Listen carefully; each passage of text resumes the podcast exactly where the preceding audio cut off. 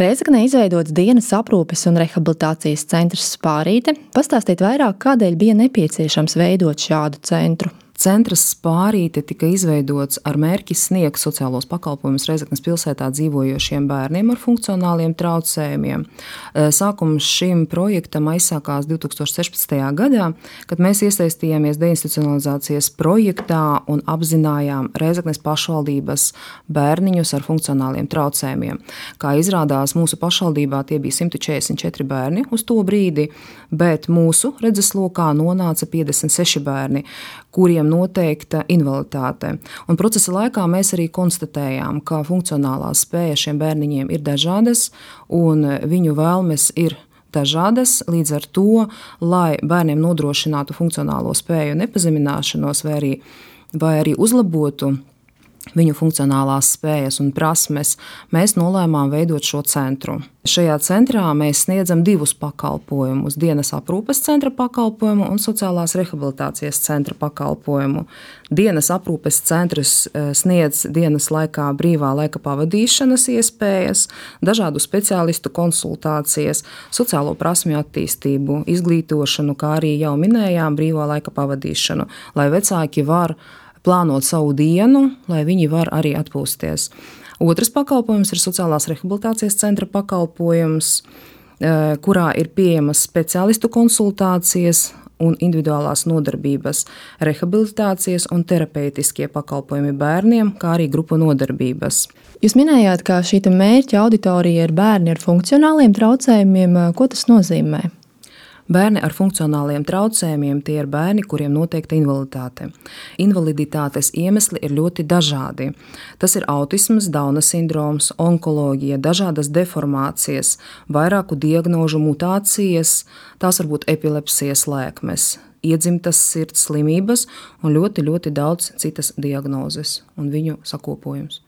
Cik ilgi centrs jau darbojās un kā tas notiek? Bērni tiek atvesti uz pāris stundām, tas notiek katru dienu vai darba dienās. Kā jums tas notiek praktiski? Centrs jau darbojās pusgadu. Mūsu redzeslokā uz doto brīdi jau ir 70 bērni, kuri aktīvi iesaistās dienas aprūpes centra pakalpojumu apmeklēšanā. Ikdienā mums pēc statistikas ir 15 bērni, kuri nāk katru dienu. Dienas aprūpes centrā bērniņu vecāki var atvest no 8 līdz 16.30, atstāt vai nu uz stundu, vai nu uz visu dienu. Savukārt sociālās rehabilitācijas centrā, kur pieņem konkrēti speciālisti, vecāki bērnus veids pēc iepriekšējā pieraksta, un, bet konkrētajā laikā, noteiktajā nozīmētajā laikā. Kādi ir šie speciālisti, kas piedāvā savus pakalpojumus? Mūsu centrā uz doto brīdi darbojās un sniedz konsultācijas logopēds tiek sniegtas individuālās fizioterapeita nodarbības, kā arī mēs jau praktizējam grupu nodarbības, jo bērniņi ir dažādām diagnozēm, un mēs mēģinām viņus grupēt attiecīgi diagnozēm, lai viņi varētu strādāt komandā un grupā. Fizioterapeits vadīs grupu nodarbības, kā arī mums ir multisensorās istabas pakalpojums, kur bērni var nākt un darboties ar sociālā rehabilitētāja klātbūtni, atjaunot savas prasmes, spēlēt dažādas atjautības spēles, futbolu, volejbolu. Multisensorā istaba izklausās eh, varbūt pat nedaudz sarežģīti tiem, kuri nezina. Paskaidrojiet, ko tas nozīmē. Tā ir telpa, kas ir speciāli aprīkota, iekārtota Multisensorā istabā ir telpa, kur ir speciāli aprīkota ar eh, speciālo baseinu, ar lampiņām, ar nomierinošo ūdens gultu, kur skan mūzika, kur bērns var atpūsties, relaksēties. Tā ir sajūtu istaba, vienkāršākiem vārdiem sakot, kad bērnam sociālās rehabilitācijas pakalpojums sniedzējs, tas ir sociālais rehabilitētājs darbinieks konkrēti, darbojās un bērns eh, sajūt kādu citu sajūtu. Eh, viņš var eh, nodarboties ar sev tīkamu sporta veidu, ja tas bērniņš nevar piedalīties aktīvi sporta nodarbībās. Sporta skolā tad viņš var nākt pie mums un tīri uz datoru palīdzību viņš var spēlēt futbolu un dažādas citas spēles. Sakiet, kā notiek šī darbošanās dienas aprūpes centrā? Jā, jūs minējāt, ka vecāki atved šo bērnu. Kas tālāk notiek? Šis speciālists, kurš pieskata, ņem vērā bērnu vajadzības, vai ir kaut kāds katru dienu plāns? Kā notiek šī darbība dienas aprūpes centrā? Sākotnēji katram bērnam ir izstrādāts atbalsta plāns. Eh, kad bērniņu vērtē starpprofesionāļu komanda, kur iesaistās psihologs, sociālais darbinieks, fizioterapeits un ergoterapeits.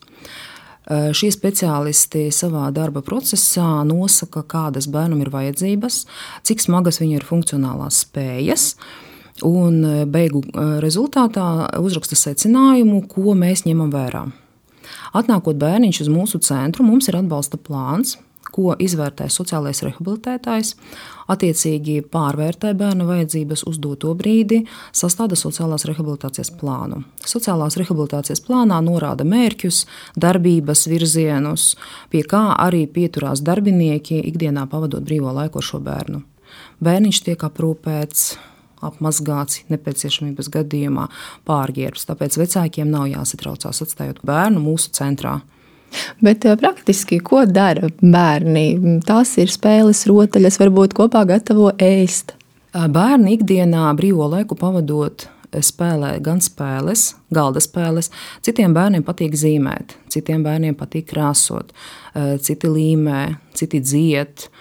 Ir dažāda veida nodarbības, jo darbinieks pielāgojas aptaujājot vecāku bērna interesēm, kā arī pavada to brīvo laiku tā, kā bērniņam ir ļoti, ļoti interesanti. Lai bērniņš tiešām nāktu un ar prieku pavadītu to brīvo laiku.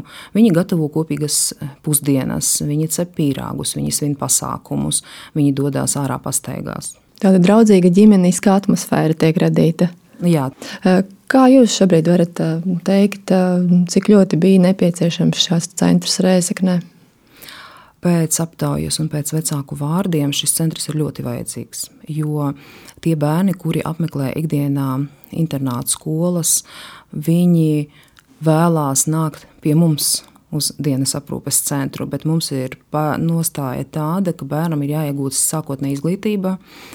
Tādēļ mēs apvienojoties un komunicējot ar vecākiem, tomēr pieturamies pie tā, ka ikdienā bērns apmeklēs skolu, pēc skolas tikai nāks pie mums uz dienas centru. Tā ir tā kā pagarinātā grupa brīvā laika pavadīšanai, jo mācības ir pirmajā vietā. Ko vecākiem nozīmē šāds centrs? Tā ir iespēja veltīt laiku sev. Vecākus aptaujājot vecākiem, ir ļoti patīkami, ka ir ļoti laba darba grupa, kura strādā ar viņu bērniņu, pieņem viņu, aprūpē viņu. Vecāks tajā brīdī var iet darbā. Viņš var strādāt, viņš var pavadīt brīvo laiku. Mammas ar ļoti apmierinātu garastāvokli dodas uz frizētavām, vienkārši pastaigā, atstājot šo bērniņu mūsu aprūpē. Bet aptaujājot vecākus, vecākiem arī ir nepieciešama palīdzība, jo vecākiem arī ir grūti audzinot šādus bērniņus. Un vecākiem ir arī nepieciešamas psihologa konsultācijas, ko mēs arī piedāvājam.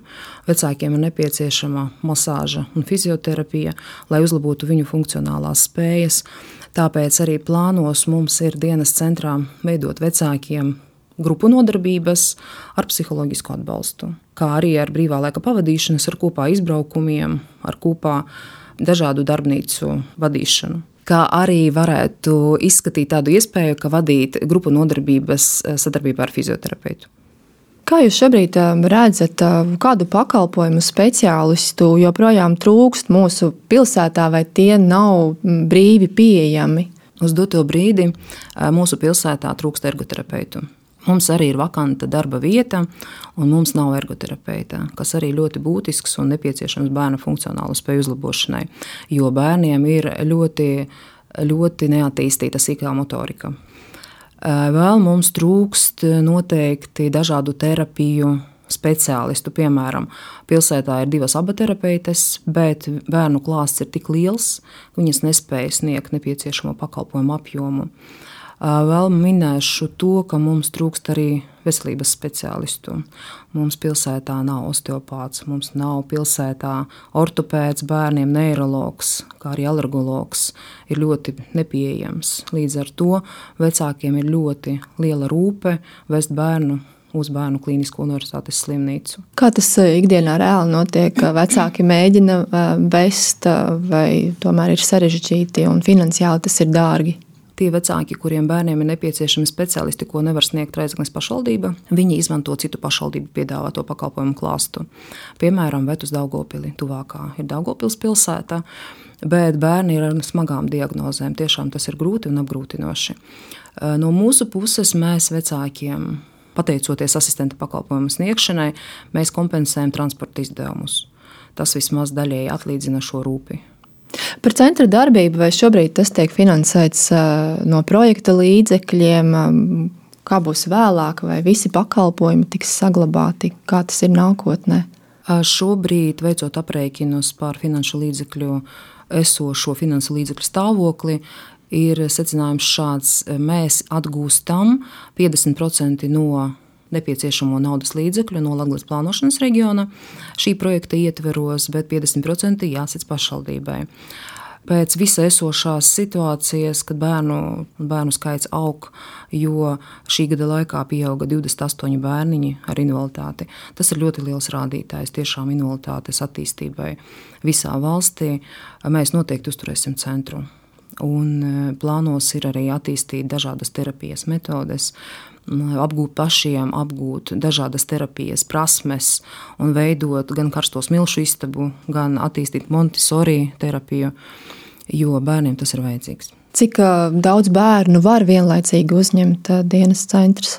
Dienas centrs var vienlaicīgi uzņemt pēc prakses 15 bērnus, bet tas ir ļoti daudz, jo darbinieku mums ir nepietiekošs skaits. Eh, mums uz doto brīdi ir centrā četri darbinieki, kuri strādā, bet rehabilitācijas pakalpojumu, kā jau minēju, saņem pēc pieraksta. Tātad, ja vecāks atved bērnu uz dienas centru, viņš paralēli var apmeklēt dienas centru pēc pieraksta aizvest pie logopēda. Nu, tas vecākam ir ērtākais variants. Pastāstiet, kas vēl tiek īstenots vai plānots deinstitucionalizācijas projekta laikā Brēzeknas pilsētā? Es varbūt atgriezīšos pie spārītes vēl, jo šī projekta ietveros šajā centrā mēs arī attīstām un uz doto brīdi remontējam baseinu. Baseins atradīsies arī Zemnieku ielā 16a pagrabstāvā, un viņš arī būs paredzēts bērniem ar funkcionāliem traucējumiem, kurš strādās fizioterapeits baseinā. Mēs attīstām arī grupu dzīvokļi, kas tiks vērti vaļā. Šī projekta ietvaros arī tiek nodrošināta dienas aprūpes centrs un specializētās darbnīcas personām ar garīga rakstura traucējumiem. Bez infrastruktūras varam minēt, ka bērniņiem ar funkcionāliem traucējumiem tiek nodrošināts arī aprūpes mājās pakalpojums. Tas ir tāds pakalpojums, kad sociālais dienas noslēdz līgumu ar aprūpētāju auklīti, bet tā ir vecāku izvēlēta auklīte. Un e, tā auklīte nāk uz mājām un sniedz aprūpes pakalpojumu mājas vidē bērniem ar funkcionāliem traucējumiem. Tātad vecāks var tajā laikā arī doties pastaigā. Ne tikai atvedot pie mums uz centru, vecāks var pavadīt savu brīvo laiku, bet arī auklītei atnākot uz mājām.